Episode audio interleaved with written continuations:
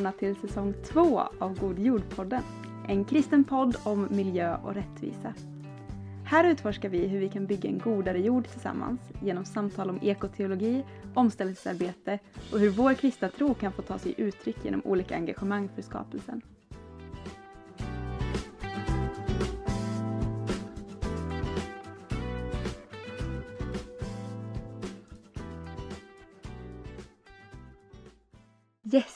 Äntligen är vi igång! Och som ni hör så är det en ny röst som strömmar mot er i högtalarna. Filippa Johansson heter jag och jag kommer framöver vara den som drar lite i trådarna här i podden. Till vardags pluggar jag sista året av min civilingenjörsutbildning i ekosystemteknik i Lund, där jag också är engagerad i en EFS-församling. Men det får vara nog om mig. Nu kör vi igång den här säsongens första avsnitt. Varmt välkomna!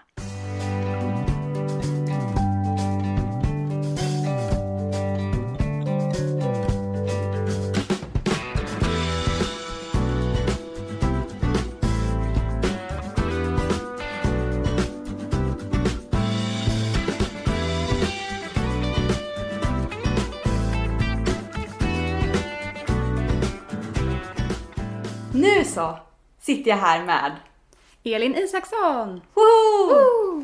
Så kul Elin att eh, sitta här med dig. Vad roligt, vad kul att vara här med dig också. Mm. Vi har ju setts lite på länk så genom God Jord innan. För eh, där är du engagerad. Ja, precis. Där är vi ju eh, båda engagerade. Det är så vi eh, träffats och Mm. fått kontakten. Det är mycket sådana möteslänkar. Mm. Vi har gjort det i God Jord ganska länge ändå. Mm. För att vi inte vill resa så mycket. Men eh, det är kul att kunna ses på riktigt. Verkligen, verkligen. Eh, kan inte du berätta mer om vem du är och eh, varför du sitter här? Ja! För vissa kanske mitt namn är bekant för att jag har synts lite på sådär Facebook-sidan. Jag jobbar med God Jords sociala medieteam. Så ansvarar för inlägg på hemsidan och på Facebook och Instagram och sådär. Eh, så det är så jag är engagerad. Mm. Annars, mer om mig. Eh, jag är 26, bor just nu i Göteborg eh, och har tagit en kandidatexamen i globala studier.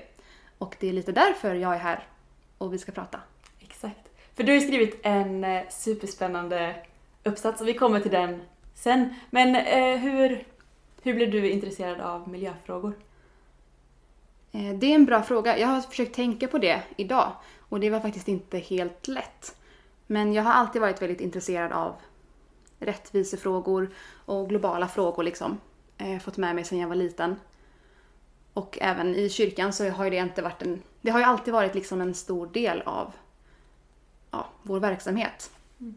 Med mission och eh, systerkyrkor och allt sånt där.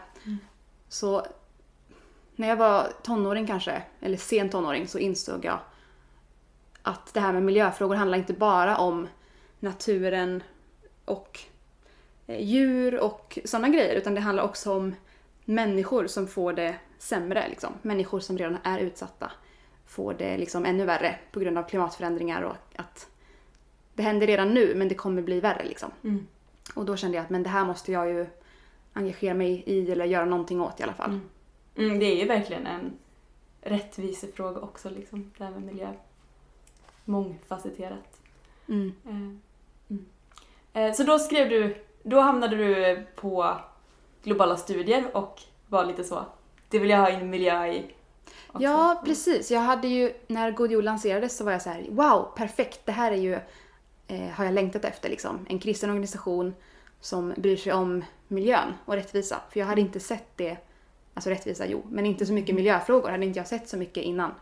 Så då gick jag med och efter ett tag så hittade jag min plats då och jobbade med, med hemsidan. Så jag hade lite pejl på det här med kristendom och miljö och tänkte det här kanske är någonting att skriva om. Mm. Så då eh, Och då landade det i... Ja, då landade det i att vi skrev om klimatfastan. Och det är ju en satsning av Equmeniakyrkan framför allt. Men att alla var välkomna och är välkomna att vara med i det. Som handlar om att under fasteperioden, 40 dagar, att avstå från någonting för eh, miljöns skull. Liksom. För skapelsens skull. Eh, och det ville vi undersöka. Mm. Superintressant. Och du är med i Equmeniakyrkan och... Precis, det är där jag är från. Så jag hade hört om det innan, liksom, sett det på Mm. kommuni- kommuniceras ut och på riksstämmor och sådär. Mm. Så därför hade jag lite för kunskap om det. Så jag och min kollega, jag ska få en shoutout, Petronella, ehm, vi skrev om det här då. Och vi började med att göra forskning, liksom, vad finns det för forskning redan om kristendom och miljö? Eh, och det är ganska olika. Vissa som forskar är ganska negativt inställda till eh, kyrkan och som kopplar till miljö jämfört med kanske mer natura, naturnära religioner. Och man säger att ja, men, kyrkan, där jobbar man med människor, man är inte intresserad av naturen och sådär. Och de som är positivt inställda hade mer tänkt så här om potential snarare än saker som aktivt görs. Så då tänkte jag, men det här är någonting som jag ändå vet görs och eh, finns. Så därför vore det kul att undersöka det. Så det var lite ingången. Mm. Så kul! Det ska bli så roligt att prata om det här.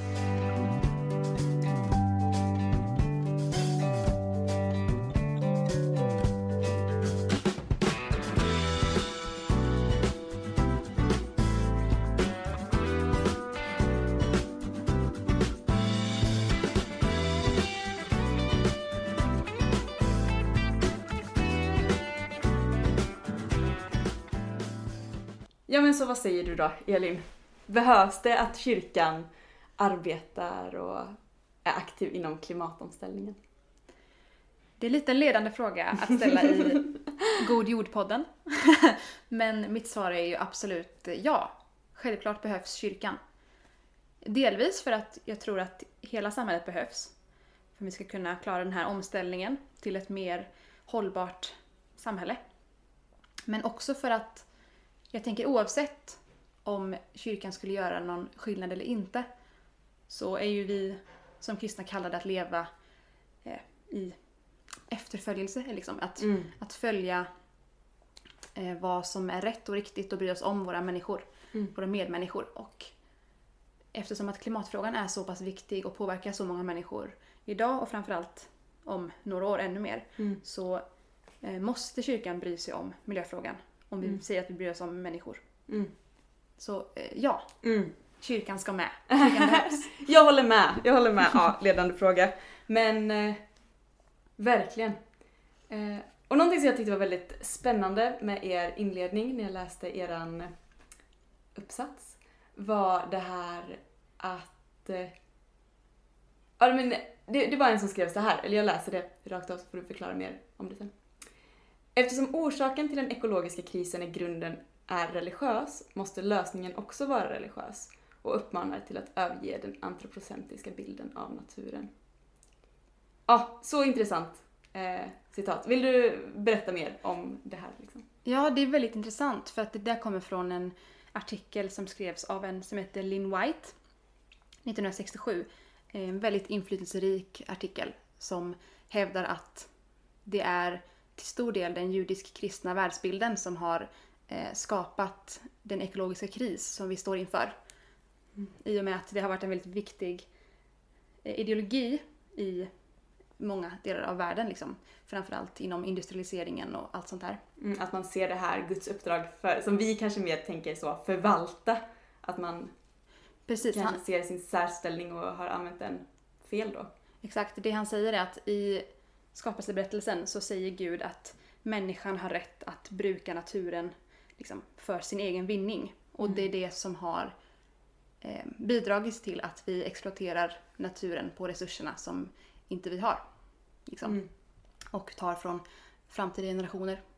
Ehm, och det är en väldigt inflytelserik artikel. Som sagt, det går inte att forska om kristendom och miljö utan att sätta på den här artikeln. Mm. Ehm, men det som är intressant är att han ändå säger att eftersom att det här har varit en stor del av varför det ser ut så här och det kan man ju debattera om han har rätt eller inte. Mm. Så är det viktigt att vi förändrar vår ide- ideologi och att vi har tagit in den här andliga religiösa aspekten. Att vad är våran eh, position i, liksom, i skapelsen eller i naturen. Mm. Utan att ändra att vi är inte över naturen utan vi är en del av. Mm. Vi är liksom en del av skapelsen, vi står inte över den. Mm. Eh, och det tycker jag ändå är en, en väldigt bra poäng. Mm. Ja, för det här att lösningen måste vara religiös i den bemärkelsen att vi måste kanske se utanför oss själva. Det är ju verkligen någonting som vi som kristna liksom har en, en del av vår tro, att vi ska se utanför bara vårt eget bästa hela tiden. Och jag tänker att i våra sammanhang kanske man mer pratar nu för tiden om det här med förvaltning och att förvalta jorden. Och jag vet att det stod i eran teori där också att det, att det är lite omdiskuterat då, liksom så här, ja men nej, olika forskare säger olika saker. Men att så, ja men har kyrkans approach kanske aldrig har ändrats men att man har twistat den på olika sätt liksom, för sin egen vinning i så fall.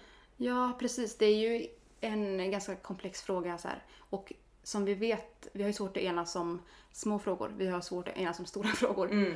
Ehm, Så det är ju väldigt olika det här med vår relation till eh, miljön. Vissa är liksom mer att Bibeln handlar om, om människan, att det här är det andliga med själar och det är inte jorden som är det viktiga utan det är vi. Eh, Medan andra kanske tänker att vi har många uppdrag. Mm. Vi har delvis att vi ska hjälpa människor, eh, prata om Jesus, men vi ska också ta hand om eh, skapelsen. Mm. För att Gud har skapat det och det är gott. Liksom. Mm. Och att det liksom är en del då av vårt uppdrag här. Ja, det kan man ju prata väldigt länge om, eh, hela det. Och det är mycket av god jordsarbete överlag. Men det, det är väldigt intressant. Och eh, om man då tänker kyrkan som organisation, som du sa, så är vi ju väldigt olika på många sätt om man ser den världsvida eh, kyrkan. Men vi är ju ändå liksom på något sätt enade, vi är ju ändå så. Och jag tänker att det är ganska unikt för någon rörelse. Ja, det är ju väldigt, det är verkligen en sån, en sån styrka. Vi ska jobba med vad vi har redan. Mm. Och det är ju mycket vi har som är gemensamt, men en grej till exempel är just det du säger. Den här starka värderingen om gemenskap. Mm. Att vi är här tillsammans och man ska stötta varandra. Eh, man pratar ofta om Kristi kropp. Mm. Lite så. Att alla är en del av kyrkan. Och det är ju en väldigt viktig grej att tänka på just inom miljö och klimataktivism. Liksom. Mm. Man kan inte tänka på sig själv, man måste tänka på, på kollektivet liksom, eller på gruppen. Och det är någonting som vi har med oss, som jag tänker är en styrka. Mm. Verkligen. Och det var ju någonting som ni tog upp. eh, Det här med, eller som också forskningen sa, att eh, man kan prata om andligt kapital i omställningen. Vill du förklara lite vad det är? Ja, innebär. precis. Våran eh, uppsats utgick ju mycket från resursmobiliseringsteorin. Mm. För er som är sociologinördar där ute. Det handlar om eh, sociala rörelser typ, och hur man lyckas med sina budskap. Och en aspekt är, det finns ju liksom materiella resurser och nätverk och allt sånt här som man behöver för att lyckas med eh, påverkansarbete. Och så var det en uppsats vi hittade som pratade om det här med andliga resurser. Och det liksom hakade vi fast i. Vad är det som kyrkan har som är speciellt för oss? Mm. Och hur kan vi använda det liksom? Så det handlar om gemensamma berättelser, Mm. gemensamma, gemensamma symboler, traditioner, värderingar och så att vi har en gemensam andlig identitet. Liksom. Mm. Och att om vi kan använda det som vi har tillsammans med det här andra, som våra nätverk, våra kyrkbyggnader, våra breda kontaktnät Mm. tillsammans med våra gemensamma berättelser, värderingar, identitet så kan det verkligen göra mycket gott. Mm. Just det. Kan man typ tänka Okej, nu får du rätta mig om jag har Mm. fel, men då med typ gemensamma berättelser och sånt, om man tänker då att men så här, alla kristna har liksom hört skapelseberättelsen, att det då blir väldigt tydligt att om vi börjar kommunicera den som förvaltande och att vi liksom lyfter upp att Gud skapar och det är gott, typ. Att det blir så mycket lättare att få det fäste då bland människor för att vi har den gemensamma grunden. Liksom. Så att när vi... Verkligen, du har helt rätt. Det är ju viktigt när man pratar om miljön att förklara varför det är viktigt. Och om man kan använda historier som folk redan känner till, ja men skapelberättelsen till exempel. Mm. Där man säger att men Gud skapade världen och han sa att det var gott. Mm. Då vet vi att jorden är någonting gott som vi ska ta hand om. Och liksom, Mm. Han sa också till människorna att ni har det här uppdraget. Mm. Det är någonting som man kan ta fäste på och någonting som man kan använda i retorik. Och det är ju Mm. samma det här som vi upptäckte i tidigare forskning. Skillnaden på kristna miljögrupper och icke-kristna miljögrupper är att från kristet håll så pratar man mycket mer om hopp. Mm. Man pratar mer om en vision för framtiden istället för kanske ett mer apokalyptiskt språk. Om, om vi inte förändras så kommer det här hända. Eh, så, så har kristna liksom det här hoppet och det hör väl ihop med liksom våra gemensamma berättelser, vårt hopp. Mm. Nu sa ju inte tidigare forskning någonting om andlig resurs liksom som Gud. Jag är ju kristen så jag tänker att vi har den största resursen. Ja, verkligen. I, I att vi har en Gud som eh, lyssnar och bryr sig om oss och helig ande som hjälper, stöttar och inspirerar oss. Mm. Just det, för man tänker då, den som är bäst på förändringsarbete måste ju ändå rimligtvis vara Gud som kan förändra hjärtan. Ja. Precis. Ja, nej men verkligen. Det, alltså, det är så sant. Eller, och det tror jag verkligen... Ah, så bra. Vad tror du, vad tror du mer kan få, liksom, eh, som kristet förändringsarbete kan skilja sig från andra organisationer? Både då i omställningen av sig själv, typ, och men också gentemot andra då. Förutom det här med hopp, finns det något annat som... Eh, en bra grej är ju att många liksom, gemenskaper, kristna gemenskaper, är ju redan, som man säger, primade att ehm, förändra sitt liv. Mm. För att det handlar mycket om, om hur man lever. Det är ändå en viktig del av eh, den kristna tron. Inte bara liksom, trosbekännelsen och vad man tror på utan också hur man lever. Och villigheten att förändra, att offra saker för andra ehm, tror jag är viktigt. Just också att man har en gemenskap redan som, är, som ofta är stark och som liksom hjälper varandra i livet. Mm. Ehm, Vi har ju lite redan det här gemenskapen som många miljöaktivister drömmer om. Mm. Att kunna leva tillsammans med andra eh, enkelt och liksom Mm. Ge upp saker för varandra. Mm. Att vi redan har någon slags grund i det, att vi ja, men typ drillas i att ge kollekt. Liksom. Eller så här, det tror jag är så viktigt för hjärtats omvändelse. Liksom. Om vi redan har det på ett sätt så kan ju det lättare implementeras i andra delar också. Verkligen. Eh, och sen så en intressant grej också som det var någon som vi intervjuade som pratade om är att vi också har ett språk kring synd och Mm. förlåtelse. Just det. För det kan ju vara väldigt svårt att erkänna att man har gjort saker som är, som är fel eller som är skadligt liksom, för eh, planeten och ekosystemen. Eh, men att ha någon sorts språk för att ja, men det här är en synd och man kan eh, ha bikt och man Mm. kan få förlåtelse Mm. gör att eh, det verkar som, enligt forskningen, att kristna miljögrupper är snabba till liksom självreflektion och självkritik. det. Att säga oj, det här har vi varit dåliga på Mm. och vi kan bli bättre. Och det, det, kanske tycker ju, det, ty, ja, det tycker ju vi liksom att i kyrkan historiskt kan vi se, vi har varit lite sena på bollen. Mhm. Vi har inte varit liksom först och lätt, Mm. lätt före vägen liksom. Utan vi kan ha varit lite sega. Ehm, och nu vill vi förbättras liksom. Mm. Mm. Ja, det tror jag är så viktigt. Eller det märker man ju väldigt mycket idag, tycker jag. Och det, det här kan vi också prata mer om, men att man har svårt att erkänna sina brister typ. Mm. Och det är också någonting vi har fått öva på, liksom den ödmjukheten. Det här med klimatångest är ju en väldigt stor och liksom verklig del av många unga människors liv. Mm. Och då tror jag att det kan vara väldigt skönt att kunna bara säga ja, det här är någonting som inte har varit bra i vårt samhälle. Mm. Nu måste vi få förlåtelse. Vi måste gå vidare. Mm. Att det finns liksom ett utlopp för, för det. Inte bara att skämmas över saker som man gjort. Inte bara liksom, ja, flygskam och klimatskam utan liksom Och känna att man kanske inte kan göra någonting åt det heller. Liksom. Mm. Utan att, men att då istället få känna att man kan bära det till korset också. Liksom. Precis, att det finns förlåtelse Mm. och det finns en väg framåt och det finns hopp. Mm. Det tror jag är någonting som kyrkan kan ge till andra miljöaktivister, liksom, eller annat miljöarbete i samhället. Mm. Ehm, Vi, har, vi delar med oss av det vi har. Våra, våra berättelser, våra värderingar. Det som vi brukar göra.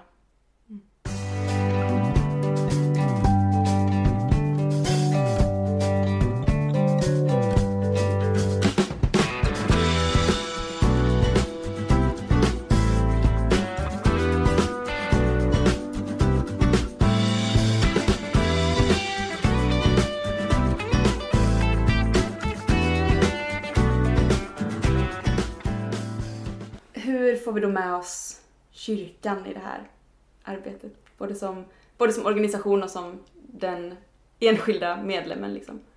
Precis. Vi har ju pratat om våra citat andliga resurser och vi har ju mycket att ta från Mm. eh, inom kyrkan. Men det som du säger, och det har också varit så mycket enligt forskningen att det tenderar att bli elitprojekt när man ska jobba med miljö. Mm. Att det ses som ett elitprojekt snarare.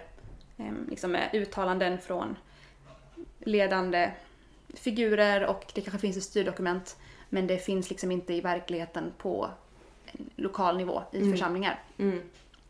Eh, och innan vi fortsätter kanske vi ska säga en liten brasklapp då att den här studien handlar ju, det är en fallstudie, så den handlar ju om klimatfastan. Men det finns ju verkligen mycket bra som görs eh, i andra delar av Mm. svensk kristenhet. Så eh, om ni tänker, de tar inte upp det här exemplet, så är det ju för att det här handlar bara om Mm. Vi kollar specifikt på det nu. Men Ja. alltså vad, eh, vad kom ni fram till kring det här?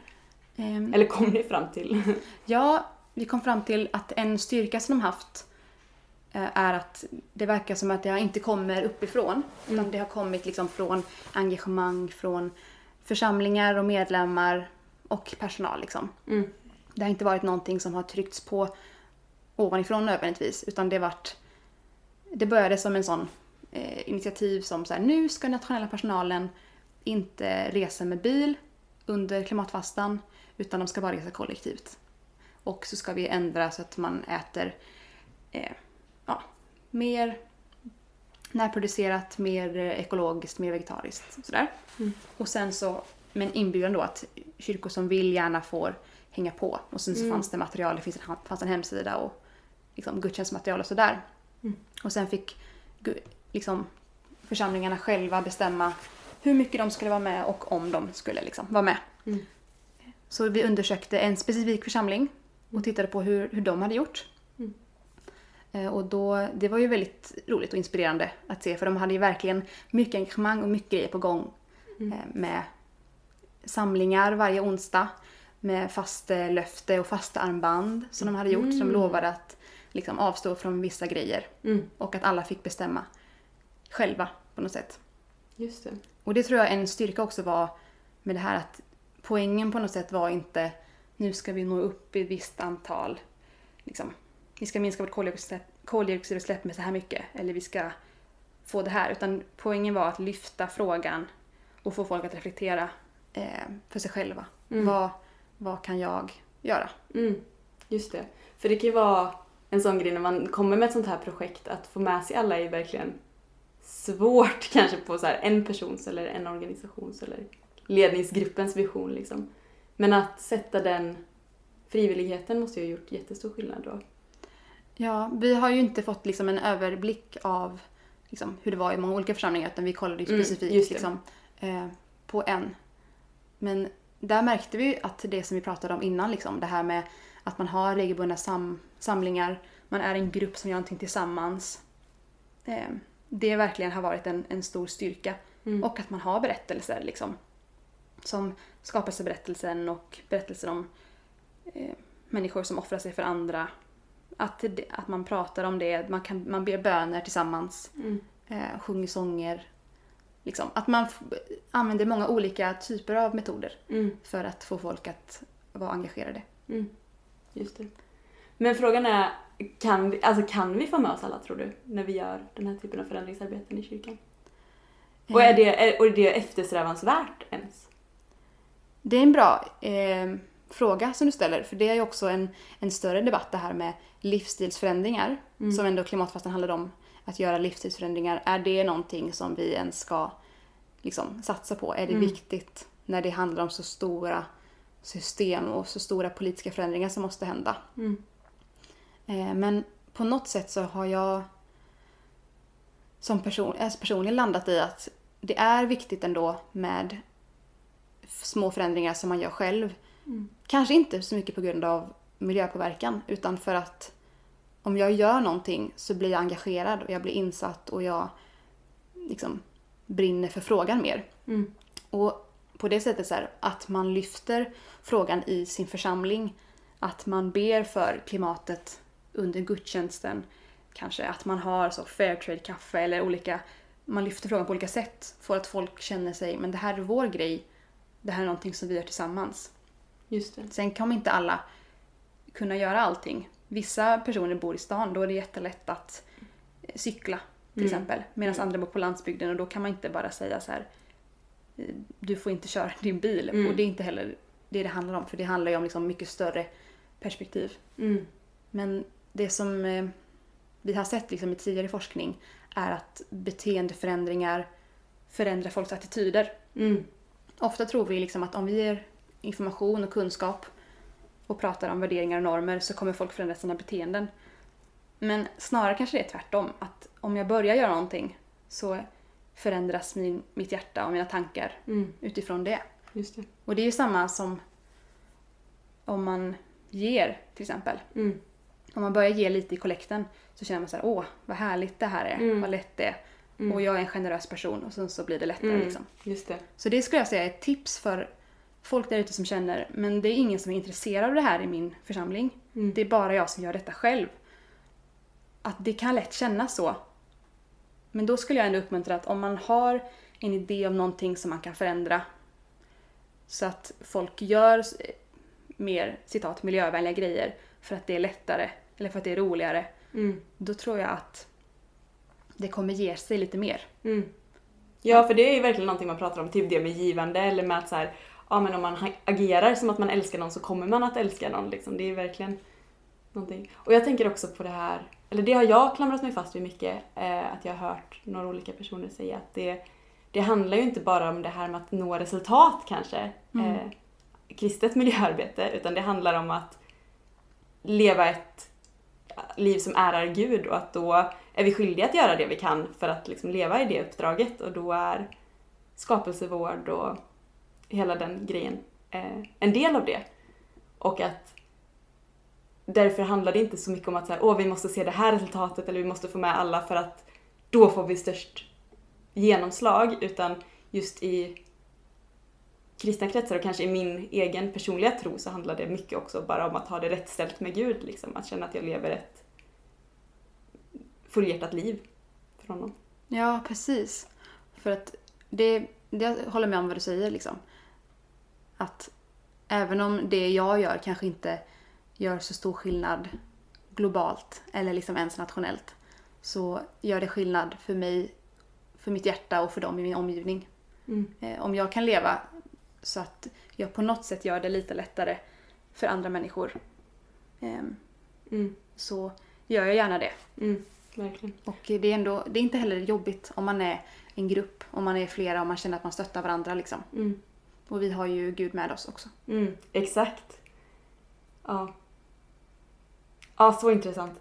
Eh, och jag tror också däremot att man inte heller ska så förminska det till att bara handla om det heller utan vi är ju ändå så stor, eller det vi har varit inne på, att vi är en så sjukt stor organisation eh, och att vi kan göra skillnad om vi tillsammans liksom börjar fixa. Jag, alltså jag, jag har jobbat lite i, i kök inom min kyrka och eh, där har vi pratat lite just om det här med att så här, okej men hur, hur ska vi eh, hur ska vi ta, tackla det här med typ klimatkris och, eller vad tycker vi är för viktiga för tankar?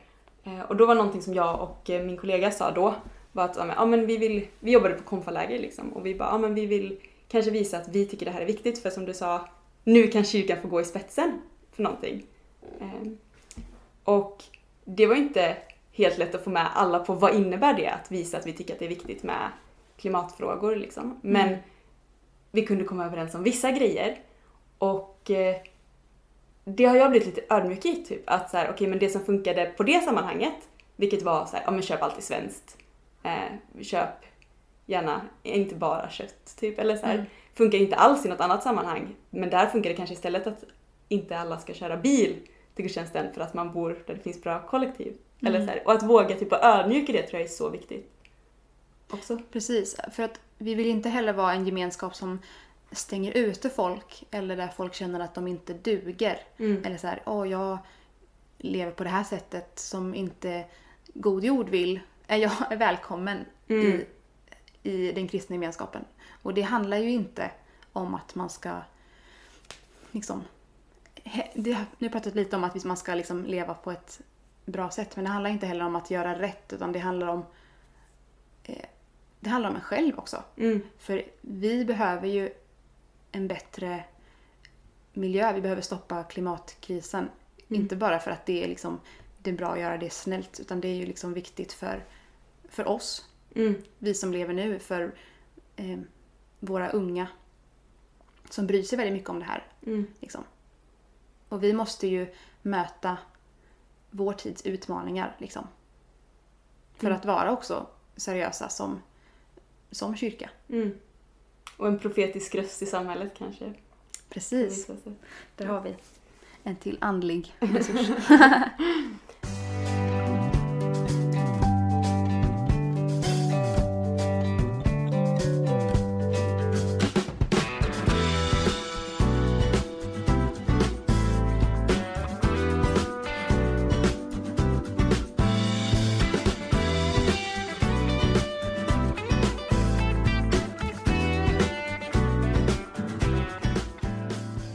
Okej, så trots att vi är så olika inom kyrkan och att olika, vi har olika förutsättningar och att olika saker funkar på olika platser.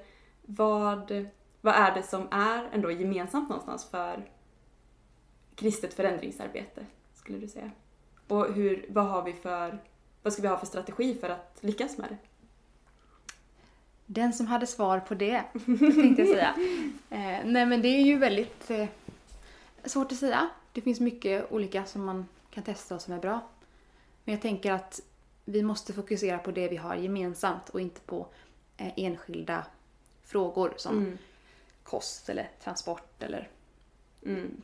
energikonsumtion. Utan det viktigaste måste ju på något sätt vara att vi älskar Gud och vi älskar våra medmänniskor. Mm.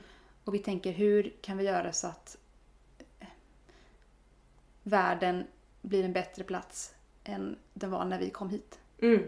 Vår relation till skaparen. Att vi har en personlig relation med ursprunget till hela världen. Det är ju otroligt. Mm. Och det kan vi ju ta fasta på på något sätt. Mm. Och verkligen kommunicera det här hoppet som vi har. Mm. För att det är ju verkligen så viktigt, tror jag. Det saknas ju ibland när man pratar om miljö. Man kan lätt hamna i, i hopplöshet. Mm. Och den som är hopplös är också inaktiv. Mm, exakt. Om vi bara kunde bidra med att försöka sprida lite hopp i de här frågorna så Mm. tror jag att det skulle göra väldigt mycket nytta. Mm, både inom och utanför kyrkan liksom. Amen. Mm. så, så bra. Och alltså något sätt man skulle kunna engagera sig på, Elin, är ju inom ditt, eh, ditt område i god jord, så att säga. Ja, precis. Vi, eh, ja, nu när jag ändå är här kan jag göra lite reklam. Att vi söker folk som är intresserade av att hålla på med sociala medier. Och det handlar ju mycket om det, att kommunicera ut våra budskap. Vad vi håller på med, vad vi vill säga. Mm. Så man behöver inte ha jättemycket specifik kunskap. Eh, mer än att veta hur, hur text och bild funkar. Lite lätt. Om man har varit på sociala, medier så kan man göra det. Mm. Eh, Så om man går och känner så här: okej, jag har hoppet, jag har viljan, men vart ska jag lägga mitt engagemang? God jord, kommunikationsteam. Verkligen. Det finns mycket man kan göra. Man får gärna komma med förslag till oss. Vi är jätte, inte oss tänkte jag specifikt, men God Jord som, som eh, organisation. Vi är väldigt öppna för nya idéer och om du känner att det här vill jag göra, det här vill jag engagera mig. Eh, hör av dig så ska vi säkert se att det går att lösa. Att du kan få stöttning. Eller om du också behöver hjälp med vad ska jag skriva om? Då kan du höra av dig till God Jord. Det gjorde jag. Mm. Och då, nu sitter jag här Nu sitter med jag den här uppsatsen färdig. Exakt. Wow, alltså så bra jobbat, så intressant och så kul. Eh, också så roligt verkligen att eh, få hänga med dig idag Elin. Ja, det har varit eh, jätteroligt. Du har varit välkommen komma hem till mig lite Mm, min nya lägenhet. så kul. Och på tal om din nya lägenhet Mm. eh, så undrar jag, nu när du liksom har flyttat till ett nytt ställe, nya, ny kyl. Oj. Vad är dina tre första som du stoppar in i kylen när du går och handlar? De här måste liksom finnas. Som jag stoppar in i kylen. Det här är ju en laddad fråga i en god jordpodd. Jag skojar. Ja, välj en ord med omsorg. Mm, Nej, jag skojar. Men eh, viktigt för mig är eh, ägg. Det älskar jag. Jag Mm. äter jättemycket ägg på morgonen när jag eh, äter frukost. Mm. Eh, ketchup älskar jag. Funkar till allt. Även till ägg. Även, kan, mm, beror på hur man tillagar äggen. Mm. Ehm, och sen så är det ju gott med lite choklad också. Det kan man Mm. också stoppa i. Mm. Så får man en välbalanserad eh, måltid Mm. med ägg, ketchup och choklad. Perfekt. Ah, Det är det vi tar med oss från den här podden. Nej men verkligen stort tack för det här och eh, är man intresserad av att läsa din eh, rapport så länkar vi den i beskrivningen. ja, precis. Den heter Klimatfastan, att avstå för skapelsens skull. Kul! Tack! Stort tack också till dig som har lyssnat på det här avsnittet. Vi vill jättegärna höra vad ni tycker så in på våra sociala medier och lämna en kommentar eller mejla oss på info.godjord.nu. Det får ni också jättegärna göra om ni har tips på vad ni vill höra oss prata om i framtiden. Tack också till Kajsa Larsson som har klippt och eh, ja, hörni, på återseende!